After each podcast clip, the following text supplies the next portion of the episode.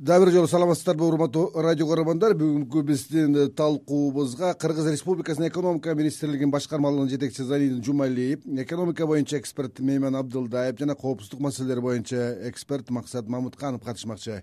Зайнидин мырза менен биз азыр телефон аркылуу байланышабыз. Зайнидин мырза саламатсызбы? Саламатсыздар мына жогорку кеңештин эки тармактуу комитети евразия экономикалык биримдигинин алкагындагы чек аралардагы контрабандага байланышкан маселелерди кароону октябрь айына жылдырылды деп атат. Ошол эле учурда коомчулукта сын пикир күчөп коомчулуктун талкуусундагы талдоосундагы турган бир талуулуу маселелердин бири эле. Муну айрым депутаттар бул талкууга өкмөттүн министрликтин даярдыгы жоктугунан улам деп түшүндүрдү да. Сиз ушун менен макулсузбу же башка себеби болдубу эми э, мындай э, ойго биз э, кошула албайт элек анткени өкмөт тарабынан министрликтер тарабынан бул жумуш ар дайым көзөмөлдө турат алып барылып атат иш жүрүп атат эми бул контрабанда деп кайсыл нерселерди айтышыбыз керек кайсыны биз контрабанда деп айтпашыбыз керек. Маселенин баары ушул жакта дагы турат да. Э, мен бир гана мисалды айтып берейин. Биз азыр айтып атабыз көп ушу контрабанда э, жанагы э, күйүүчү майлоочу майлар абдан көп кирип атат казакстандан деп атат да. Ооба. Анан эми ушул жерде мен бир нерсеге токтолуп кетейин. Эгерде жанагындай бир чоң чоң машиналар менен чын эле алып чыгып аткан контрабанда негизинде болуп кала турган болсо бизде э, бул жерде күч структурасы э, бар. Биз өзүбүзчө мамлекетпиз бизде ошол эле э, финанс полициясы мына ушундай структураларыбыз алар күрөшүп эле жатат. Мына биз бир күндө бир жолу эки жолу даже көрүп эле жатабыз. Зайди мырза ушул мынау э, эки казакстандан аткезчилик жол менен э, миңдеген тонна майлардын кирип жатышы фактысы барбы ушундай ушул кырдаал барбы ушундай? э, бар да. бар болуп атат. Бар болгонун муну жанагындай жерден кармалып атат. Аны атайы ошол жанагы күч органдары кармап аны сотко өткөрүп берип атат иштерин анан мен айтайын дегеним бизде мисалы үчүн ушу казакстан менен кыргызстандын ортосунда э, алты э, каркыраны кошкондо жети э, өтмөк посттору бар да. Ошонун мисалы үчүн эми каркыра алысыраак калганынын баары мына чүй областында эле төртөө турат.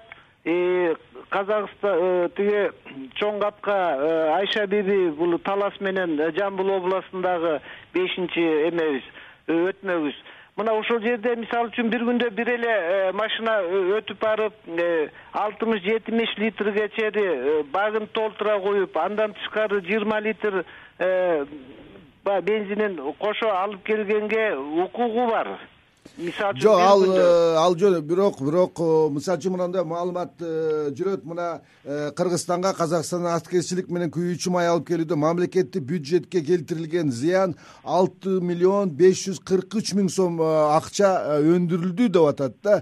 Бул оңой акча эмес да. Мисалы үчүн ал жана канистрге чакага куюп саткан башка маселе болуп атпайбы. Мен ошону айтып берейин деп атам да. Жанагы сизге айтып аткан эмем ошол. Мисалы үчүн булар баягы кармалып анан кийин бул сот аркылуу э, ошол э, чечими чыгып анан бул ушу э, биздин бюджетке моунча баланча сом зыян келтирди деп туруп ошонун баары тең баягы акчаны бюджетке төлөгөнү бул туура эле кеп да. Анда анан мен жанагыны дагы бир жолу айтып коеюн. Ар бир посттон бир бир күндө бир элүү машиненин тегерегинде жеңил машиналар. Ошолор эле кирип чыкканда мисалы үчүн бир күндө бир посттон бир беш тоннанын тегерегинде кирип чыкса болот экен да? Беш тоннанын тегерегинде бир эле посттон алса болот. Ошондо беш посттон бир жыйырма беш тоннанын тегерегинде бул э, баягы биздин эркин соода деген эмебиздин бир эмеси да. Анан кийин ал жерде э, биз эч кимди баягы токтото албайбыз э, анан экинчи бир маселеси бар. Эгер эле ошол эле бир эле киши кирип эле чыгып атса бир күндө бир беш жолу он жолу. Ал туура эмес аны анда э, тиги биздин чек арачылар андай эмени фиксировать этип аны токтотуш керек. Анда биз менен да байланышта болуп туруңуз. Сизге суроолорубуз болот. Э, мейман мырза мына жогорку кеңеште кыргызстанга аткезчилик менен кирген товарлардын айына мамлекет казынасы бир топ зыян тартып атат деген маселе коюшту эле. Э, анан мыйзамдуу иштеген бир топ э, биздин ишкерлерге да зыян тийгизип атат дейт бул эмени мындай кырдаалды сиз кандай бир мүнөздөр элеңиз да? Биз евразиялык экономикалык биримдигине эмне даярдыгы жок кирип алдыкпы же жакшы иштей албай атабызбы? Же өкмөттүн чабалдыгыбы себеп кайда өзү? Э, даярдык э, эми даярдык жок кирди деп айтып жүрүшөт. Э, себеп дегенде көбү каршы чыккан анан бул киргени эң негизи туура болгон дегенде э, биз бул жерден көп нерсе утабыз утуп атабыз ал эми жанагы аткезчилик деген проблеманын болушу бул проблема эменин коррупциянын э, элитанын саясий элитанын истеблишменттин коррупцияланышы. Ошол эле жанагы бажы кызматы ошол жанагы жана бул жерде салык салык анан э, жанагы чек ара кызматы. чек ара кызматы баары байланышкан э, бир э, иш жасап атышат да бири бирин жаап. Ошол ошонун эле көрүнүшү булчу ошон үчүн башынан эле айтып келе атпайбызбы надо эмени истеблишментти тазалаш керек деп. Ошол себептен экономикага аябай чоң зыян келип атат. Мына могу биз эгемендик алгандан бери эле. Жанагы көмүскөдөгү экономиканын кырк процент деп өкмөт уже эме моюнга алып атпайбы э? Мен мурда айтып жүрчү элем алтымыш алтымыш пайыз минимум деп. Бир мисал. Мисалы үчүн э, кытайдан келген э, э, кытайдын экспорту беш миллиард алты жүз жетимиш миллион доллар экен. Импорт кыргызстандын импорту бир миллиард где то бир эки жүз үч жүз миллионго жакын экен. Айырмасы төрт жарым миллиард болуп атабы ошол көмүскөдөгү э, жанагы экономикага кирген оборотко кирген э, бул жанагы серый э, импорт болуп атпайбы. Мына ошону ким администрация жасап атат? Ошол бажы кызматындагылар баары бириккен ар кимдин өзүнүн үлүшү болушу мүмкүн. Бул аябай чоң кырк беш миллиард доллар деген алтымыш процент ички дүң продукцияны экен кандай чоң объем. Бул жерде бүт көп өтө чоң кызматта иштегендер байланыш да ошон үчүн э, жок биздин эле э, саясий истеблишмент деп атпайбызбы ошолорбу же болбосо бул биз кошуна өлкөлөрдөгү анан биз ооба ооба жана евразийский киргендечи биз рыногуна кирдик. Анан биз жанагы биздин э, тиги мигранттарга жеңилдик алып бердик. Биздин өндүрүшчүлөргө чоң базар ачылып атат көп финансылык э, баардык жактан эме кыймыл жумуш э, э, издегендерге баары бошту ошол жакта. Бирок ошол эле убакта жанагы алардын дагы элитасы коррумпированный биздин элита баары бирикти. Ал да бирикти да. Ошон үчүн бул аркасыздан биздики болгон кирүү болгон бирок ошого көз жумуп киргенбиз ошол көп маселе алдыга жылбай аткан себеби бул жерде жанагы евраза ичиндеги элиталардын э, солидарностью болуп атат да. Бул жерде чогуу иштегендиги болуп бирин жаап. Биз азыр коопсуздук маселелери боюнча эксперт максат мамытканов менен байланышабыз. Максат мырза саламатсызбы э, эсиңизде болсо керек э, биздин президент сооронбай жээнбеков өткөндөгү евразия экономикалык биримдигинин астанадагы саммитинде айтты Э, бул чек аралардан э, аткезчиликти мындай жеңилдетүү же болбосо көзөмөлгө алуу мыйзамдаштыруу боюнча үч катар э, көзөмөл кылынганга биз макулбуз көзөмөл кылалы деп атат да. Демек бул чек арадагы аткезчиликти жалгыз кыргызстан колунан келбей калды десек болобу? Бир четинен ошондой айтса болот. Бирок биздин президенттин ошондой сунушу эң негизгиси эгерде силер кыргызстанга бизге ишенбесеңер келгиле анда биргелешип биз менен текшергиле. Ошентип анан бизге деген кайра ишенимди көтөрөйүн деген ниетте айткан сөздөрү болчу кээ ошондо болуп атат анан бирок бул жерде бир маселени айта кетиш керек. Биз деген мынакей биркен экономикалык аймакка кирдик. Киргенде биздин деген экономика ошол деген даярдыгы аз болуп өтө начар киргенбиз. Анткени бизде деген көп маселелер чечилген эмес болчу. Кайсы маселелер чечилген эң негизгиси биздин деген коңшу мамлекеттер менен казакстан менен россия белоруссияда көп экономикалык кагаздардын баардыгы электрондук форматка өткөн. Электронный счет фактура электронный таможенный декларацияларга өткөн.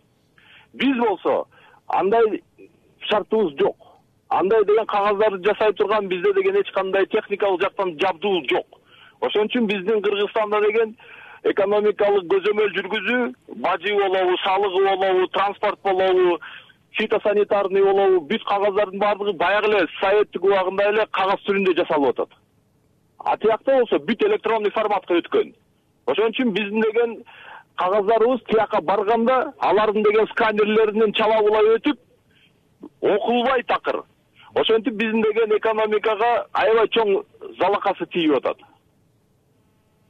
Ошонун негизинде биз дагы мисалы россиядан казакстандан бизге канча жүктөр келип атат ошол жүктөрдүн баардыгы деген электрондук накладнойлор менен келип атат азыр.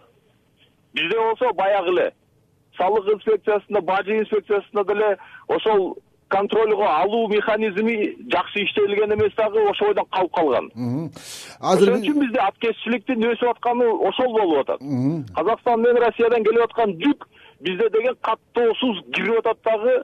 Анан каттоого келген товарларды деген кийин биздин салык инспекциясы таппай калып атат. Азыр биз э, мына э, экономика министринин э, жетекчилеринин башкармалыгынын жетекчисин зайнидин мырзаны сурап көрөлү. Зайнидин мырза. Да угуп атабыз сиз максат мырзанын айткан сындарын уктуңуз да. Деги эле кыргызстан биздин өкмөт мына евразия экономикалык биримдигинин техникалык регламенттерин сактай албай жатабы. Атаандаштыкка туруштук бере албай жатабы жана стандарттарды сактай албай атабы эми мунун баарында э, биз мисалы үчүн э, э, он бешинчи жылы кирдик да. Бизге биз баягы үч жыл примерно бир кеч кирдик да. Анан кийин бизге баягы каникул да берилген. Ошонун баардыгын ошо евразия биримдигинин баягы стандартына техрегламентке ылайыктуу кыласыңар деп. Биз ошондон бери көп э, нерселерди жасадык жана э, э, азыркы айтып аткан сөздөр боюнча мисалы үчүн ошол эле жана айтып атат накладнойду бизде тиги вручную эметет деп. Биз жок аны азыр чек арачылар мисалы үчүн ошол эле чек арада турганда экинчи экземплярын сразу эле эмеге жөнөтөт? Э, налоговый инспекцияга жөнөтөт. Ал жерде товарлардын баары э, жазылып турат. Кандай эме менен кетип атат? Инвойс бар. То есть бул жерде баардыгы электрондоштурулду дегенден бирке алысыраакмын. Бирок ал процесс азыркы учурда мына жүрүп атат. Ошол эле Э, бажы э, комитетинде дагы налоговыйда дагы э, мына биз азыр ошол эле чек араларга жана камераларды мына ушунун баары тең ошол электрондук системага өтүп аткан кезибиз да? Зайнид мырза мынау ошол чек аралардан э, товарларды өткөрүүнү көзөмөлдөө жагынан келгенде э, кыргызстан ошол өнөктөштөрү россия менен казакстан беларустардан мына артта калып атат десек болобу? Э, ал жагы бар. Баардыгы эми алар мен жана дагы бир жолу айтып коеюн алар бизден мурун кирген болчу да. Ошон үчүн биз баягы кечирээк кирдик. Биз азыр ошонун үстүндө аларга мына биз уже жыйырманчы жылы э, полностью уже жетишибиз керек да. Э, баарына анан жана контрабанда ошо менен эле чектелип калган жок. Бул жерде эми дүйнө жүзү боюнча э, контрабанда деген бул оору баардык мамлекеттерде бар да. Бирок ошону алдын алуу дагы мындай иш жүрүш керек жүрүп атат. Мен бир нерсени айтып коеюн. Ар бир мамлекетте өзүнүн э, мамлекеттик э, ошол э, органдар бар. Ар бири өзүнүн участогуна жооп бериш керек. Мисалы үчүн биз мына азыркы казакстан менен өтүп аткан өтмөктөрдө ошол эле евразия биримдигинин регламентине таянсак ал жерде бизде чек арачылар гана туруш керек да. Чек арачылар алар э, машинанын ичин ачып э, тиги эмесин э, карай албайт товарды ал жерде накладной бар. Ошол накладной алдын экинчи экземпляры биздин налоговый инспекцияга барат. Бул баягы казакстан менен кыргызстандын ортосундагы чек араны айтып атам. Ооба түшүндүм. А эгерде биз кытайдан алып аткан товарыбыз болсо ал электронный эмеге баарына электрондоштурулган баардыгы тең ал жерде ошол эле накладной э, арменияда да көрүнүп турат ал э, москвада дагы көрүнүп турат. Ал бизде дагы көрүнүп турат. Казакстанда дагы көрүнүп турат. Рахмат беш э, мамлекеттин баарынын эмесинде көрүнүп турат. Биз кайсы товарды алып кирип атабыз? Рахмат Э, мырза мына финансы министрлиги маалыматы боюнча эки миң он тогузунчу жылдын өткөн төрт айында былтыркы жылдын э, алгачкы төрт айынан салыштырганда жалпы салыктар деги эле ошол жыйымдарды алып келгенде бир бүтүн ондон бир миллиард сомго аз жыйналып атат да. Ошонун ичинде жанагы чек арага байланышканда маселелер болуп атат да. Бул кырдаал быйылкы жылдын бюджетинин аткарылышына канчалык э, оң же терс таасирин тийгизиши мүмкүн албетте терс таасир тийгизет э, түшө турган каражат түшпөсө дефицит пайда болот. Баягы э, каржылана турган социалдык программалар аткарылбай калат. Бул жагынан караганда э, өтө эле чоң кыйынчылыктар болот. Ал эми эмне себептен ошондой болуп атат? Бул мамлекеттин өкмөттүн чабалдыгы өз убагында экономикалык маселелерди чече албагандыгы инвестиция тартылып жаңы орундар түзүп өндүрүш пайда болбой э, жаңы э, салык төлөй турган эмелер э, салык төлөөчүлөр пайда болгон себептен анан экинчи жактан жанагы ошо администрирование жагынан чоң кате кетип атат. Чоң аткарылбай калып аткан себеби жана коррупциянын эле кесепети ошол. Бизде коррупция менен күрөш жүрбөй атат ошол эле кадрлар. Ал сөз жүзүндө ал саясатка айланышып кеткен бирин бирин оппоненттерин э, куугунтуктап ошого айланып кетпедиби. Ошон үчүн э, экономикалык маселе чечилбегенден кийин э, салык жыйналбайт. Бул жерден орто жолдо пайдалангандар көп болот ошо ушундай гана түшүндүргө болот. Рахмат максат мырза. Угуп атам мына коомчулукта дагы кеп бар бирок айрым фактыларда буга негиз түзүп жаткандай монобу чек аралардан э, товарларды аткезчилик жол менен э, алып өтүүдө мына транс улуттук маанайдагы формадагы кылмыштуу топтор дагы буга кийлигишип же болбосо бул алардын дагы ордуу бар деген маалыматтар бар да. Бул канчалык негиздүү бул канчалык ушунчолук бизге зыян тийгизип жатат деп ойлойсуз? Эң биринчиден ошондой аткезчилик жана башка экономикалык кылмыштарды жасоонун эң негизги максаты эмнеде? Сатылган товардын деген акчасын жашыруу ошону менен салыктардан качуу ошо менен тымызын чогулган акчалар менен баюу. Эми мисалы бизге кирип аткан канча мынакей байкелер айтып өттү азыр канча бизде импорт болуп атат? Импорт беш миллиарддан ашык болуп атат бизде ошол импорт келип туруп биздин кыргызстанга кирип атат. Аны бажысы көрүп атат салык инспекциясы көрүп атат фин полициясы көрүп атат пограничниктери көрүп атат. Аны жөн эле фиксация кылып коюп атат. Анткени биздин деген чек ара жок. Казактар менен азыр. Ортобузда аяктан деген фиксация болгондон кийин жанагы экинчи листин алабы албайбы аны деген айта албайбыз. Бирок ал деген салык инспекциясына жеткенден кийин канчалык деңгээлде ошол маалыматтар так болгонун эч ким деген кепилдик бере албайт. Ошентип деген бизде. Мисалы мен өзүм иштеп жүргөн убакта казакстандан келип аткан товардын деген кээ бирлерин деген текшергенде өлгөн кишилердин паспортторуна оформить этилген учурлар болгон. Ошентип деген транснационалдык контрабанда чоң жүктөрдү саткан ошондой иштерди жасаган структуралар салыктардан качыш үчүн ар кандай амалдарды ойлоп табышат. Ошон үчүн муну деген биздин кыргызстанда жалгыз эле бизде эмес сөзсүз түрдө казакстандагы ошондой бизнес менен алек болгондор сүйлөшүп туруп биздикилер менен иш жасайт. Россияда дагы белоруссия арменияда дагы эле ошондой контрабанда менен иш алган ар кандай топтор бар. Ошолор биргелешип сүйлөшүп алып туруп ошондой иштерди сөзсүз түрдө жасайт. Мына анткени мисалы айталы казакстандагы бензин бизге келип сатылып атат. Мейли деген канистр менен ташыган ал бир маселе аны баклажкалап көчөдө сата аласың. Ал эми деген чоң машинелер менен цистерналар менен поезд жолу менен келген миң миң тонна болгон бензинди деген силер баклажка менен сатып түгөтө албайсыңар да ал үчүн деген заправкалардын ээлери менен сүйлөшүш керек. Ошол заправкаларды көзөмөл жүргүзгөн бүт стандартизация андан башка жана счетчиктерди текшерген налоговый деген посттору бар. Рахмат. Жанагы бүт рахмат. Текшерет да. Ошолордун баары деген сүйлөшүүсүз боло албайт. Рахмат. Зайдин мырза зайдин мырза угуп атам. Мына эми жогорудагы көйгөйлөрдү да көрдүңүз. Сиз бир топ менен макул болуп атасыз. Мына абал э, жеңил эмес экени көрүнүп атат.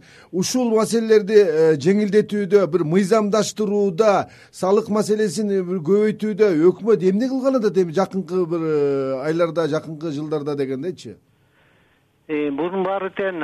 Ошо биз үчүн баягы сигнал болуш керек да. Сигнал болуш керек бул боюнча эми көптөгөн мына э, закондорубуз дагы турат э, ошону баягы кээ бир э, закондорду өзгөртүү киргизиш керек. Жанагындай контрольный постторду бир башкача бир мына бул максат мырза айтып кетпедиби жанагындай заправкалар менен сүйлөшүп алат анан ошол жака жанагындай документи жок бир товарларды алып кирет киргизип коет анан ошол жактан сатышат деп атышат да. Мисалы үчүн э, ошон үчүн азыр э, мындай эме бар да вот ар бир заправкада э, өзүнүн жанагы бак бар да нефтехранилище да ошолордо пломбу бар ар биринде. Бул налоговый инспекция өзү ачып өзү куйдуруп анан налог эмени жаап кетишет да. Мисалы ар бир заправка ушундай болуш керек. Анан кийин Э, эгерде жанагындай бир э, законсуз түрдө э, мыйзамсыз түрдө ошондой бир кирип атса мен дагы бир жолу кайталап коеюн. Ошону биздин фин полиция караш керек биздеги башка күч органдары бар. Ошол экономика жагына байланган ушулар көзөмөлдү рахмат рахмат урматтуу радио көрөрмандар бүгүн биз Э, кыргызстандын чек араларындагы аткерчиликтин масштабы соода экономикалык кызматташуубузга канчалык э, зыяндарды алып келүүдө деген теманын тегерегинде кеп кылдык. Бүгүнкү биздин талкуубузга экономика министрлигинин башкармалыгынын жетекчиси зайдин жумалиев экономика боюнча эксперт мейман абдылдаев жана коопсуздук маселелери боюнча эксперт максат мамытканов катышты. Берүүнү мен бакыт оорунбеков алып бардым. Кайрадан эфир аркылуу жолукканча саламатта калыңыздар